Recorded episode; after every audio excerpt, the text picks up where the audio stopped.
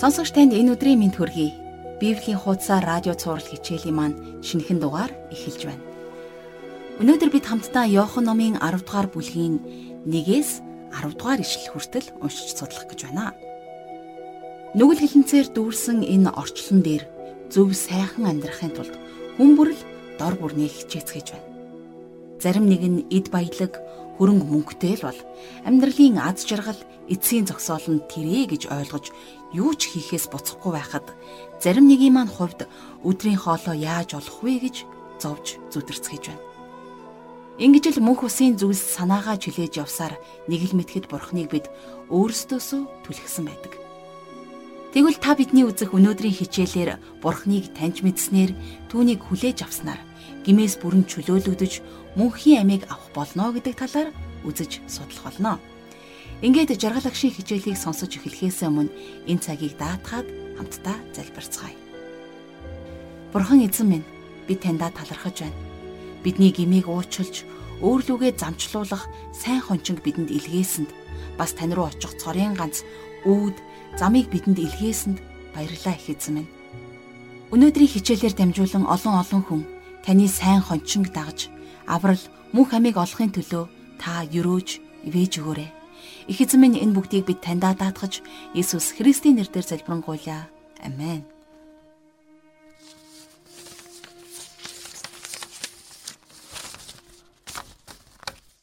За өнөөдрийнхөө хичээлээр хүний мөн чанар.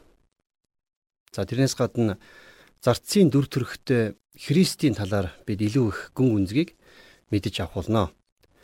Тэгэхээр Христийн үеийн хоньны хашаа сарвч тэр нутгийн олон хотуудад өнөөдөр ч гэсэн байдаг. А гэхдээ энэ нь мэдээж нийтийн хашаа байсан. За орой болохоор тэр хотод амьдардаг бүх хончид за хондоо хашаа руу авчирч хашдаг байсан. За тэгээд шөнийн туршид хондоо хаалгач сахиулд найдаж үлдээгээд хончид гэр гертэ харьдаг байсан. За тэгээд маргааш өглөө нь хончид өөрсдөө сахиулд таниулахад тэр тэд нарыг хаалгаар нь оруулдаг. Тэгээд тэд нар хондоо авдаг байсан. За тэгэхээр энэ тухай ярих болсон учир шалтгаан нь юу байсан гэхлээр за Иохны сайн мэдээ номын 10 дугаар бүлэг яг энэ хоньны хашаатай холбоотой нэгэн түүхээр эхэлж байна. За ингээд хамтдаа Иохны 10 дугаар бүлгийн 1-ээс 2 дугаар ишлэлийг уншицгаая. Үннээр үннээр би та нарт хэлье. Хоньны хашаанд үүдээр нь орлоггүй. Өөр газраар давж ордог хүн бол хулгайч дээрэмч юм уу? Харин үүдээр нь ордог хүн нь хонин сүргийн хончин мөн гэсэн байна. За тэгэхээр хоньны хашаа гэдэг энэ хашаа бол Израиль үндэстнийг төлөөлж байна. За Есүс тэднэрт өөрийгөө хаалгаар нь орж ирсэн гэдгийг хэлж байна. Тэр хаалгаар ороогүй харин өөр газраар нь авирч орогч хинч гисэн хулгайч дээрмчин юмаа гэж үргэлжлүүлэн хэлсэн. За энэ нь түүний энд хэлэх гэж байгаа нэгэн их том санаа баг юм. За энэ болвол түүний энд хэлэх гэж байгаа агуу санаа байгаа юм. Есүс хаалгаар орж ирсэн. Өөрөөр хэлэх юм бол тэр хууль ёсны дагуу ирсэн гэсэн үг. Тэр хуучин гэрээний иш үзүүлэг буюу зөнгийн биелэл болон за хуулийн дор ирсэн. Тэгэхээр Галат номын 4-р бүлгийн 4-р ишлэлдэр нэг ийм ишлэл байдаг. Харин цаг нь болоход Бурхан эмэгтэй хүнээс хуулийн дор төрөх өөрийн хүүгээ илгээсэн юм а гэж. Тэгэхээр чухамхүү яг энэ иш үзүүлэг энэ зөвгөнлийн дагуу Давидын удамд Есүс мэндэлсэн. Тэгэхээр энийг илчлэх бас нэгэн ишлэл вэ? За Лук номын 1-ийн 32 дээр Тэр хүү авгаа нэгэн болох ба хамгийн дээдийн хүү гэж дуудагдана. Эзэн бурхан түүнд өвөг Давидынх нь хаан ширээг өгөх болно гэсэн байдаг.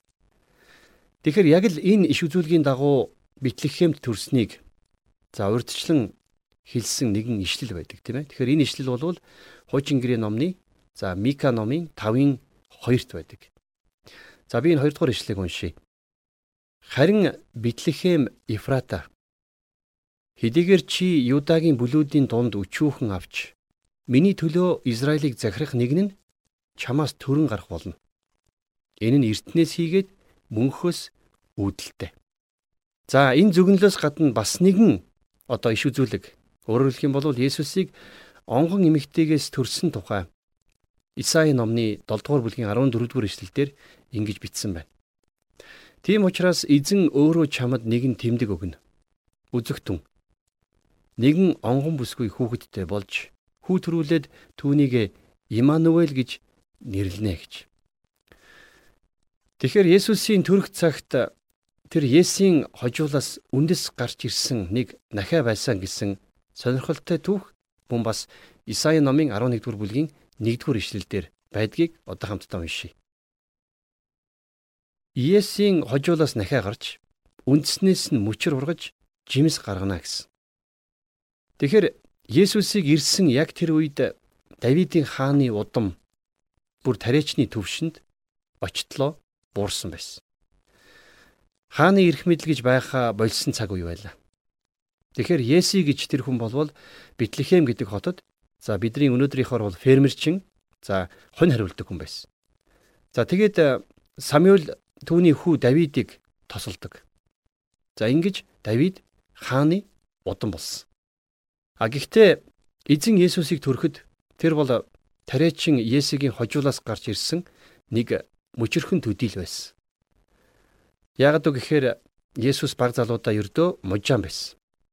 Тэгэхээр дээр бичигдсэн зүгнэлүүд бүгд биелэлээ олсон байгааг та лав харж байгаа бах. Есүс бол Месиа.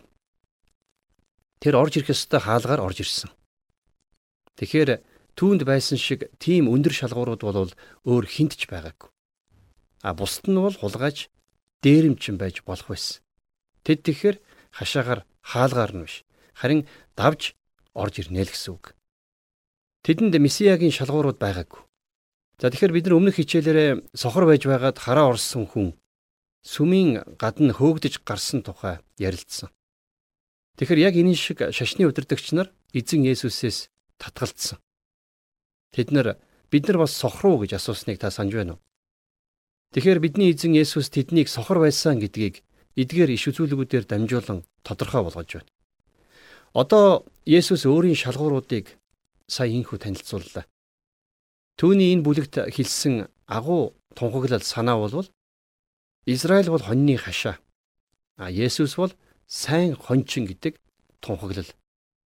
За энэ тухай 3 дугаар ишлээс. За Иохны сайн мэдээ номныхоо 10 дугаар бүлгийн 3 дугаар ишлээс хамтдаа харцгаая. Сахиул тэр хүнд үүдийг нээдэг бөгөөд хонин сүрэг түүний дууг сонсдог.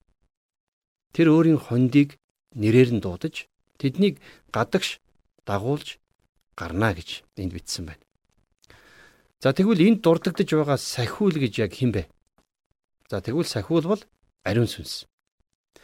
Бурхны сүнс Есүс дээр ирсэн. Түүний хийсэн бүх зүйл Бурхны сүнсний хүчээр хийгдсэн. Ариун сүнс Есүсийн дуу хоолойг сонсгохоор түүний хондийн чихийг нь нээж өгсөн гэсэн үг. Түүний хондийг хариулсан. Тэгэхээр энэ үйл явдал бол өмнөх бүлгийн утга санаатай шууд холбоотой байгаа юм. Яасан гэхлээр тэдгээр шашны удирдагч нар сүнсний хувьд сохорсон байсан. За төвгөрч барахгүй тэд нар дүлий байсан. Яагаад үг гэхлээр тэд нар Есүсийн дуу хоолойг сонсоогүй. Харин Есүс өөрийнхөө хондийг нэрээр нь дуудаж хөтлөн гаргадаг гэдгээ Яаков, Йохан, за Натаниэл болон За Филипп нарт бас ойлгуулсан. Тэр Ириход нэгэн модны дор зогсоод Захкай гэж хүнийг дуудсан тухай түүхийг та мэднэ. Тэр өөрийн хондийг инхүү яг нэрээр нь дууддаг. Тэр сохор хүн түүний дуудахыг сонссон. За Симон Петр ч гэсэн түүний дуудлагыг сонссон. Харин Есүс түүний Симон гэдэг нэрийг Петр гэж өөрчилсөн. Энэ нь чулуу гэсэн утгатай үг байсан. За би төрхөн зур ярианы сэдвээс хазаагаад нэг зүйлийг нэмж хэлхийг хүсэж байна. Хожим Есүс эзэн өөрийн итгэгч нарыг дээш нь аваачих үед тэрээр хүн болгоныг нэрээр нь дуудах байхаа гэдэгт би итгэлтэй байдаг. Тэр мөч үнэхээр маш гайхалтай мөч байх болно. Тэр миний нэрийг сайн мэддэг болохоор намайг нэрээр минь дуудах болно. Хэрвээ та түүний хондийн нэг бол тэр таныг ч гэсэн бас нэрээр чинь дуудана. Тэр таны нэрийг дуудаж байхыг та өөрөө сонсох болно. За тэр өөрийн хондийг Евдийн хашаанаас гаргадаг. Та шашны удирдагч нар Есүсийн эдгээсэн сохор хүнийг гадагш нь хөөж гаргасныг мэднэ. Харин Есүсийн хувьд энэ хоныг Евдэн шашнаас буюу за Евдэн шашны хашаанаас гаргасан юм. За дөрөвдүгээр ишлэгийг хамтдаа харъя. Тэр өөрийнхөөгөө бүгдийг гаргаад төрөнд нь явдаг. Хонин сүрэг түүний дууг таньдаг тул түүнийг дагдагаа гэж энд бичсэн байна. За би Бэтлехемийн ойролцоо очихдоо одоо ашиглагдсан хിവэрэ байгаа нэгэн хоньны хашааг харж зогссон юм. Тэгэхээр тэр хоньны хашаа шөнийн турш олон айлын хонь малыг оруулдаг газар байсан. За тэгээд сахиулд бүх хонио даатгачаад хончин шүн гертэ харж амраад өглөө нэрэхэд хоньнууд нь бусдын хоньтой холилдсон байдаг. За тэд нар хонь дээр ямар нэгэн тамга тэмдэг тавиагүй байж өөрийнхөө хонийг яаж гаргадаг байсан юм болоо гэж бодохоор харин тэд нар хонио нэрээр нь дууддаг байсан. А тэгээд хоньнууд хончныхоо дууг таньдаг байсан. Түүнийг толгод өд явхад нь хоньдууд нь хашаанаасаа гарч малчнаа дагдаг.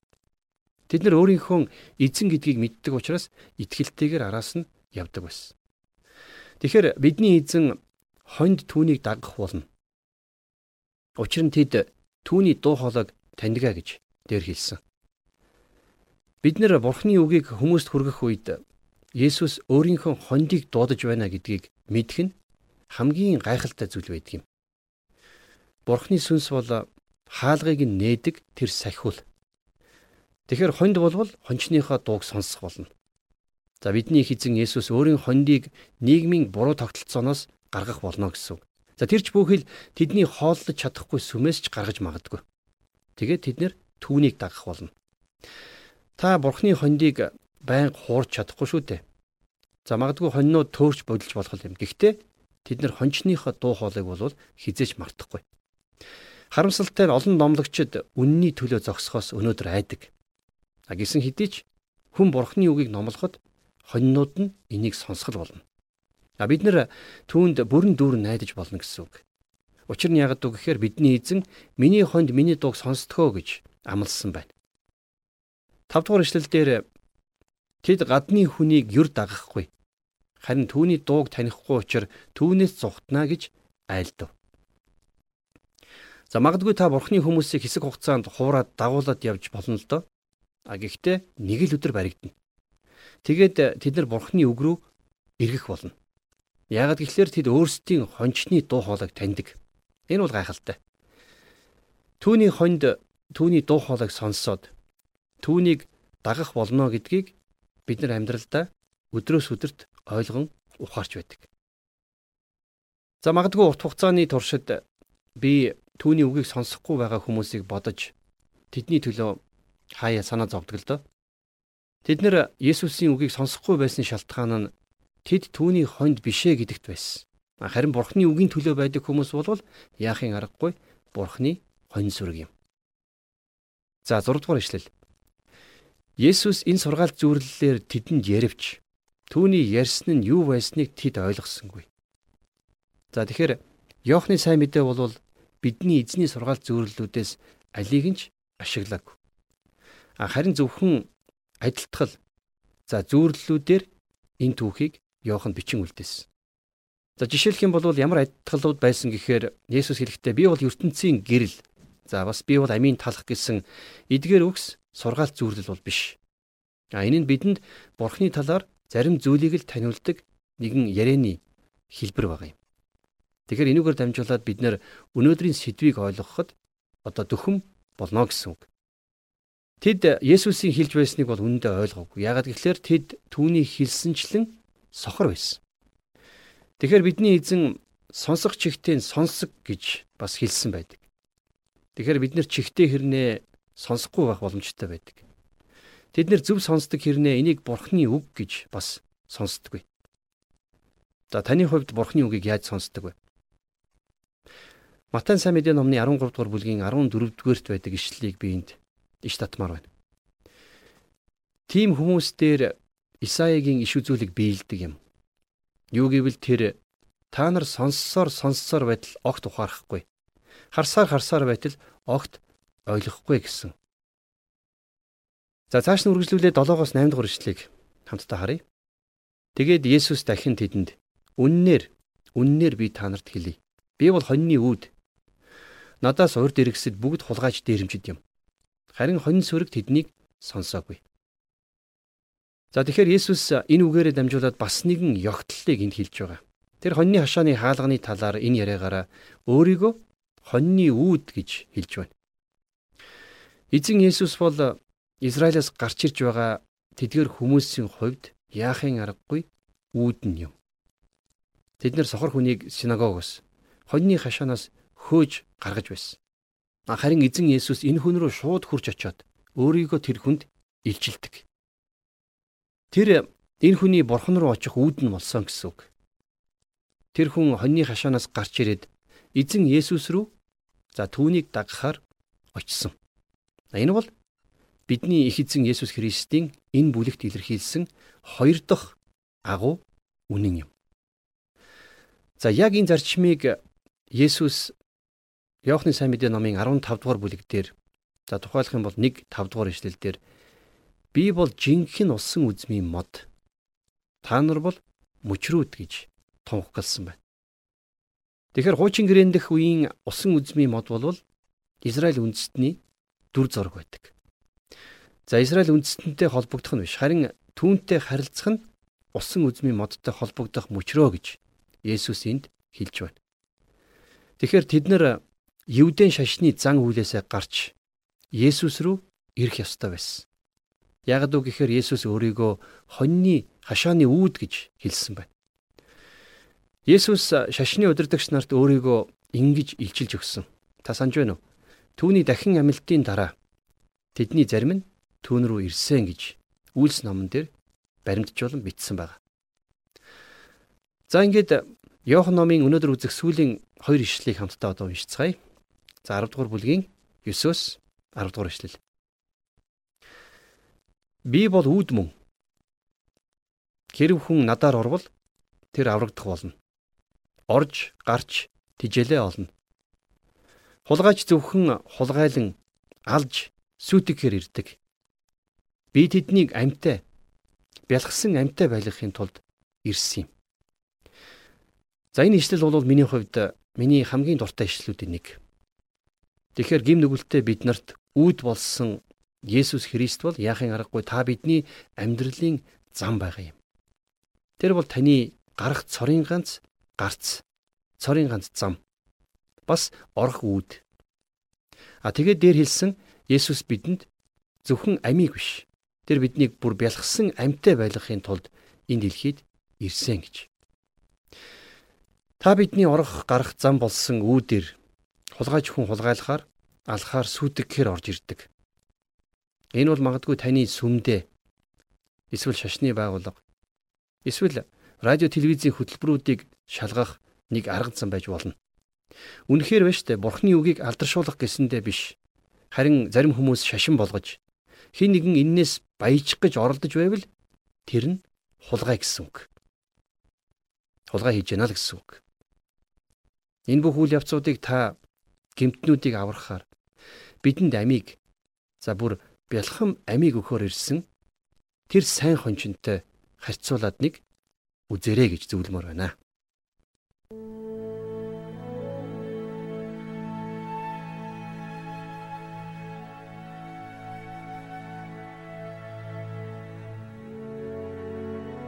Тэгэхээр бидний дээр ярьсан хоньны хашаа бол Израиль үндэстэн юм. Харин хоньны хашааны үүд нь Есүс Христ билээ. Тиймээс тэрээр өөрийн хондоо юудын шашнаас буюу хуулийн буруу тогтолцооноос гаргах болно. Тэр тэднийг дуудаж гаргадаг. Энэ тухай Үйлс номын 2 дугаар бүлгийн 40-р ишлэлд ингэж хэлсэн байдаг. Энэхүү завхруулагч үеийнхнээс аврагдаг дүнгэж тэднийг синхруулж байлаа гэж бичсэн байдаг шүү дээ. Бас Есүс Христ бол Юудын болон харь үндэстнүүдийн хувьд үүд хаалганд болсон юм. Тэр үүдээр бид орж гарч хоол тижээлээ олох эрх чөлөө бол Есүс Христ доторх Бурхны хөвгүүдийн эрх чөлөөт байдал юм. Тийм ээ өнөөдөр Бурхныг таньж мэдэх гэж хичээж яваа та бид ч гэсэн үүд хаалга болсон Есүс Христээр нэвтрэн орсноор аврагдах болно. Тэгээд дээрэс нь бэлхэм мөнхийн амьтаа болох болно. Тэгвэл хамтдаа авралын цорын ганц үүд хаалга болсон Иесус Христийн хонд болохоос гадна Бурхныг таньж мэдээгүй байгаа олон хүмүүсийн төлөө хамтдаа залбирцгаая. Мөнхөд оршигч агуу Бурхан Аав минь би таньда талархаж байна. Та бидний гмийн төлөө Есүс Христийг бидний сайн хончин болгож бас тань руу очих үүд хаалга болгон явуулсанд баярлалаа их эзэн минь. Энэ дэлхий дээр таныг хүлээж аваагүй байгаа тэдгээр хүмүүсийн төлөө бид санаа нэгтэн залбирч байна. Та тэдгээр хүмүүст мөнхийн амийн бэлгийг өгч тэгээд тэд сүнсээрээ аврагдах болтугай. Тэгэд өдөр бүр таны үгээр амьдарч гим нүглээс хол амьдрахад та бид бүгдэд туслаарай. Бид танд бүх зүйлээ даатгаж Есүс Христийн нэрээр залбирanгуйж байна. Амен.